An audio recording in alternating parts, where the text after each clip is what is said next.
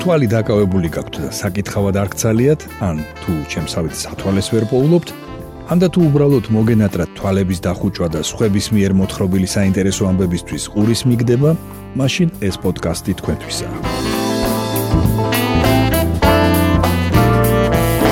გამარჯობა. თქვენ უსმენთ რადიო თავისუფლების პოდკასტს მოლაპარაკე ტექსტებს. მოლაპარაკე ტექსტებს. მე ბიძინა რამიშვილი გახლავართ. აქ მოქმედი პირები არიან ტექსტები, რომლებსაც რადიო თავისუფლების ვებსაიტზე ვარჩევ თქვენთვის კვირაში ერთხელ და მათ მოსათხრობ ამბებად ვაქცევ ხოლმე.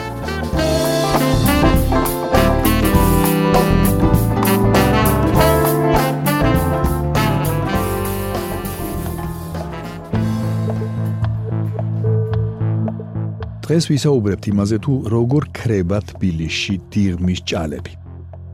მოგითხრობთ გამოჩენილ მხატვარზე ლადო გუდიაშვილზე და გავიხსენებთ ცნობილი ამერიკელი მწერლის ჯონ სტაინბეკის სტუმრობას საქართველოში.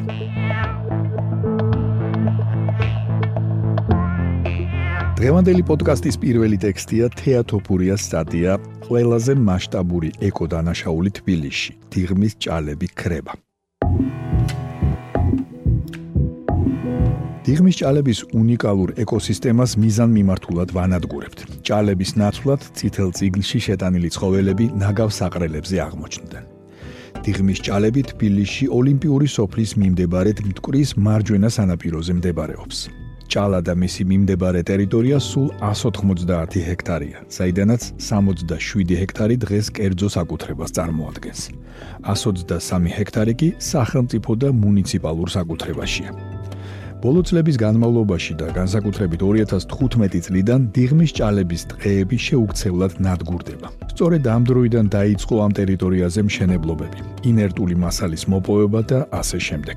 ეს ყველაზე მასშტაბური ეკოდანაშაულია თბილისში, ამბობს მკვლევარი ანა ტრაპაიძე, რომელმაც მარიამ ხვედელიძესთან ერთად შეისწავლა ეს საკითხი.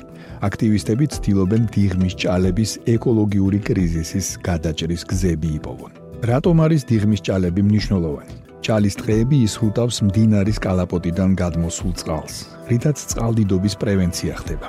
გარდა ამისა, ჭალა უამრავი იშვიათი ფრინველისა თუ ცხოველის საცხოვრებელი ადგილია. აქ ბინადრობს წავი, რომელიც წითელ წიგნშია შეტანილი.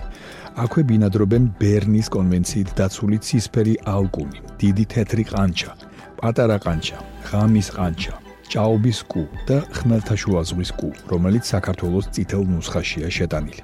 2015 წელს თბილისის მერიამ დიღმის ჭალები შეამჩნია და გადაწყვიტა იქ ქალაქის ყველაზე დიდი პარკი გაეშენებინა. თავიდან პარკს 50 ჰექტარი უნდა დაეკავებინა. 2019 წელს კი ეს ფართობი 15 ჰექტარამდე შემცირდა.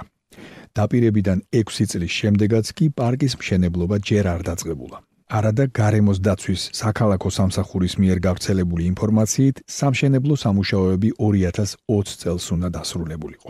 დიღმის ჭალების უნიკალური ეკოსისტემა ნარჩენების განთავსების ადგილად არის ქცეული. საქართველოს ნარჩენების კოდექსის მერვე მუხლით მუნიციპალიტეტი, რომლის ტერიტორიაც დანაგვიანდა, უფლებამოსილია მოსთხოვოს დამნაგვიანებელს ამ ტერიტორიის დასუფთავება. თუ დაბინძურებული ტერიტორია კერძო საკუთრებაში არაა, მისი დასუფთავების ვალდებულება თავად მუნიციპალიტეტს ეკისრება.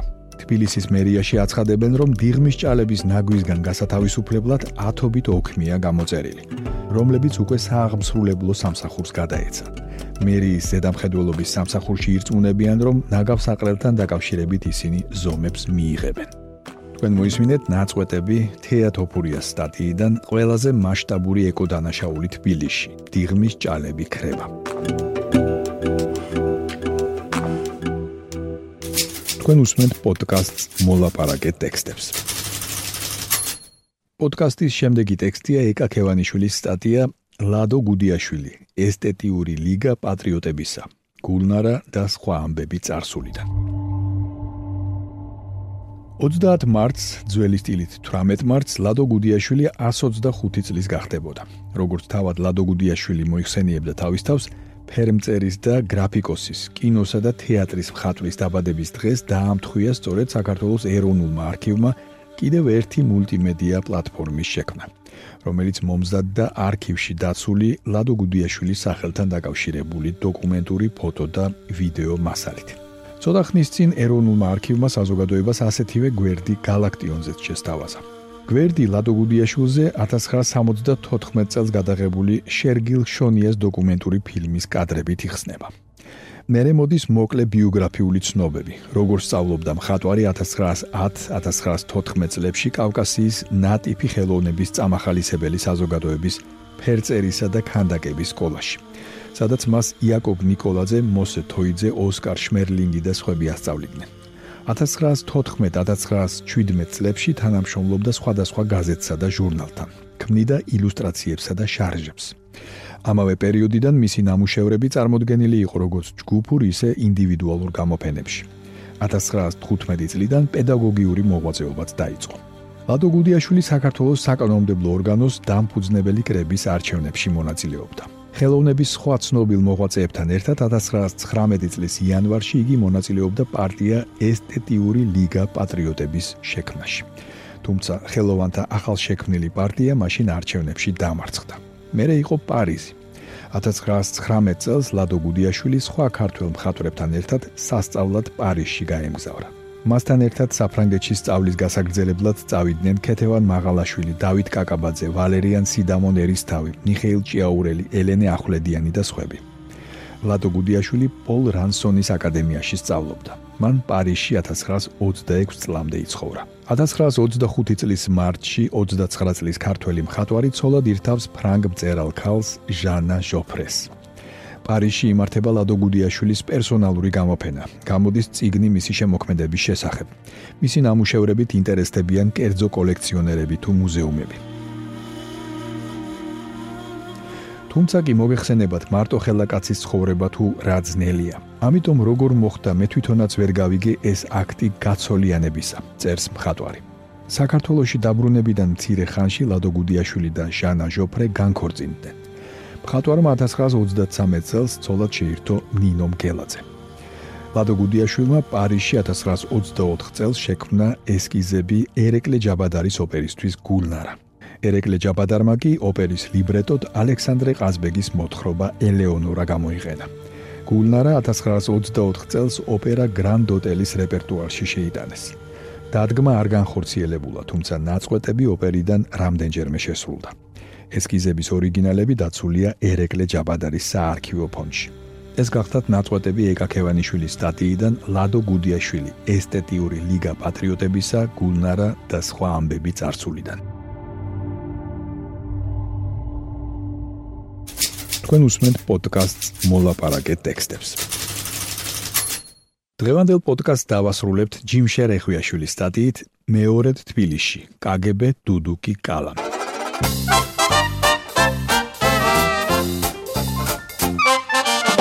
ჯონ სტაინბეკი ნობელის პრემიის ლაურეატი ამერიკელი მწერალი საქართველოს პირველად 1947 წელს ეწვია. სამშობლოში დაბრუნებულმა აქ ნანახი და მოსმენილი ვრცლად და ემოციურად აღწერა რუსულ თხიურში, რომელიც საქართველოში მხოლოდ საბჭოთა კავშირის დაშლის შემდეგ გამოიცა. სტაინბეკის ამ სტუმრობის შესახებ მდიდარი ფოტომასალა დატოვა რობერტ კაპამაც, რომელიც თან ახლდა მწერალს მოგზაურობაში. წლების შემდეგ 1963 წლის ნოემბერში სტაინბეკი კიდევ ერთხელ ეწვია თბილისს, ამჯერად ფოტოგრაფის გარეშე. უცნაურია, მაგრამ ამ სტუმრობის შესახებ ბევრად ნაკლებია ცნობილი. წესით საქვეყნოდ ცნობილ ამერიკელ სტუმარს, რომელსაც საბჭოთა კავშირის მთავრობა და მწერალთა კავშირი მასპინძლობდა, საჩვენებელი ზარზეიმით უნდა დახვედროდნენ თბილისში. მაგრამ როგორც ყოფილი დიპლომატი გელა ჩარკვიანი იხსენებს რადიო თავისუფლებასთან საუბარში, სტაინბეკის საქართველოსში ჩამოსვლის შესახებ არავინ არაფერი იცოდა. მათ შორის არც მწერალთა კავშირში. ჩარკვიანი იხსენებს: სასტუმროს ფოიეში ვიდექი და ამერიკელ ტურისტს ველაპარაკებოდი. მისი ნაცნობი შემოგვიერთდა და ისე სხვათა შორის გვითხრა: ჩემი მეგობარი ტედი ერევნიდან გუშინ საღამოს მანქანით ჩამოვიდა. სულ 4 საათი დასჭირდა. იქ სასტუმროში მწერალი სტაინბეკი შეხვედრია.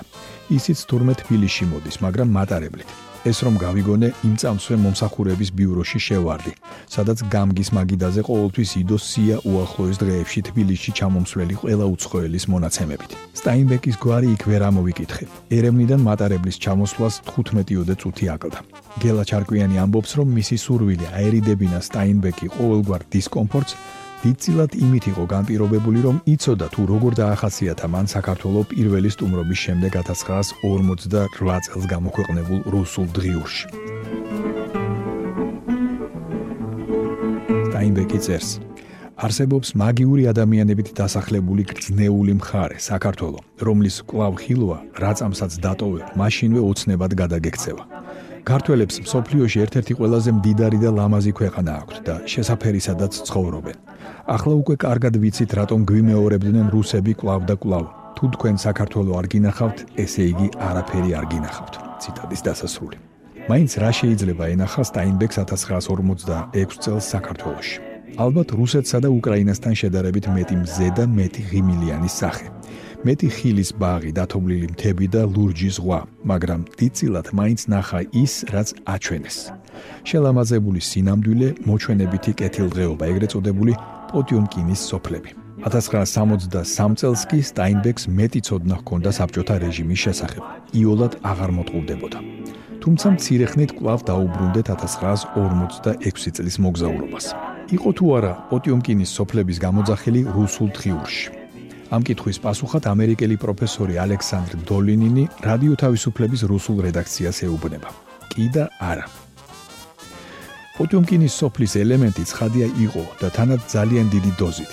ივან ხმარსკი, რომელიც სტაინბეკს უკრაინასა და საქართველოსში მოგზაურობის დროს ახლდა, ამის შესახებ წერს თავის მოგონებებში, რომელიც 1991 წელს გამოქვეყნდა სარატოვის ჟურნალ ვოლგაში. და მართლაც 2018 წელს უკრაინის უშიშროების სამინისტრომ ხელმისაწვდომი გახადა საიდუმლო დოკუმენტების ნაწილი, საიდანაც ირკვევა, რომ ნობელის პრემიის მომავალ ლაურეატს საბჭოთა უშიშროება საგულდაგულოდ უთვალთვალებდა. სტაინბეკის და კაპას თვალთვალი ცხადია საქართველოსი წარშეწყვეტილა. პროფესორ დოლინინის თქმით, ივან ხმარსკი იხსენებს, რომ თბილისში სტაინბეკს ძალიან მოსწონდა თავისი მძღოლი, ერთი თავქარიანი ბიჭი. ხმარსკი ამბობს, რომ ვოქსის ადგილობრივმა თანამშრომლებმა მიანიშნეს მას, რომ ეს მძღოლი სახელმწიფო უშიშროების ორგანოების თანამშრომელი იყო. თბილისი იყო ჯონ სტაინბეკის ერთთვიანი სტუმრობის ბოლოს წინა პუნქტი გრძელ მარშრუტში: მოსკოვი, კიევი, ერევანი, თბილისი, ლენინგრადი. ჯონ სტაინბეკს ორი დღის განმავლობაში საქართველოს მწერალთა კავშირი მასპინძლობდა. შემორჩენილია სტაინბეკის წერილი სანობელე სიტყვის ასლთან ერთად, რომლის ადრესატი და როგორც ჩანს მისი ერთ-ერთი მასპინძელი პოეტი კოლაუ ნადირაძეა. ციტატა: "ძვირფასო მეგობარო, მე და ჩემი მეუღლე ელეინი თქვენთან სტუმრობის შემდეგ თბილისიდან შინდრომ დაუბრუნდით, იქიდან მოყოლებული თქვენზე და თქვენს დიდებულ ქალაქზე ფიქრში ვატარებთ. რამდენი თბილი, საამო და ამაღელვებელი რამ გამოგვატანეთ თან?" ისინი ჩვენი მოგონებებიდან არასდროს ამოიშლება. მართალია ვიკამათეთ განსხვავებული მოსაზრებებიც გამოვთქვით, თუმცა ყველაფერი ამით ამოიწურა და ჩვენი მეგობრობისთვის ამას ზიანი არ მიუყენებია. ჯერა ამ აზრთა სხვაობის არსმა დაგვარწმუნა. კეთილ ადამიანებს მიზნები და მისწრაფებები ყველგან ერთნაირი რომ აქვთ და ასე შემდეგ. ერთთვიანი მოგზაურობისა და ნანახის ერთგვარ შეჯამებად გამოდგება სტაინბეკის მიერ თბილისში გამართულ ბანკეტზე წარმოთქმული სადღეგრძელოს ფინალი. რომელიც დოკუმენტურად არის დადასტურებული საბჭოთა მწერალთა კავშირის აღმასკომის რეფერენტის მიერ. მშვიდობით, არა ნახვამდის, არამედ მშვიდობით, თქვა მან. იარეთ თქვენი გზით, სადაც არ უნდა მიგიყვანოთ მან. ათეისტი რომ არ ვიყო, გეტყოდით, ღმერთმა გიშველოთ. ეს გახდათ ჯიმ შერეხვიაშვილის სტატია ამერიკელ მწერალ ჯონ სტაინბეგზე. სტატიის სათაურია მეორედ თბილისში, კგბ დუდუკი კალამი.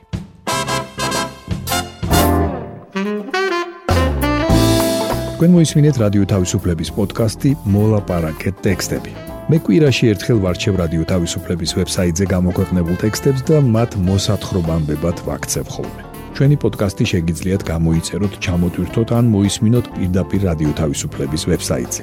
მისი მისამართია რადიო თავისუფლება.ge. თუ ჩემი მიერ მოთხრობილი ტექსტები სრული სახით დაგაინტერესებთ, მათი მოძებნა იულია. ვებსაიტზე პოდკასტის გვერდზე იპოვით ყოველ ცალკეულ პროგრამაში მოთხრობილი ტექსტების ბმულებს. მე ბიძინა რამიშვილი ვარ. მომავალ შეხვედრამდე.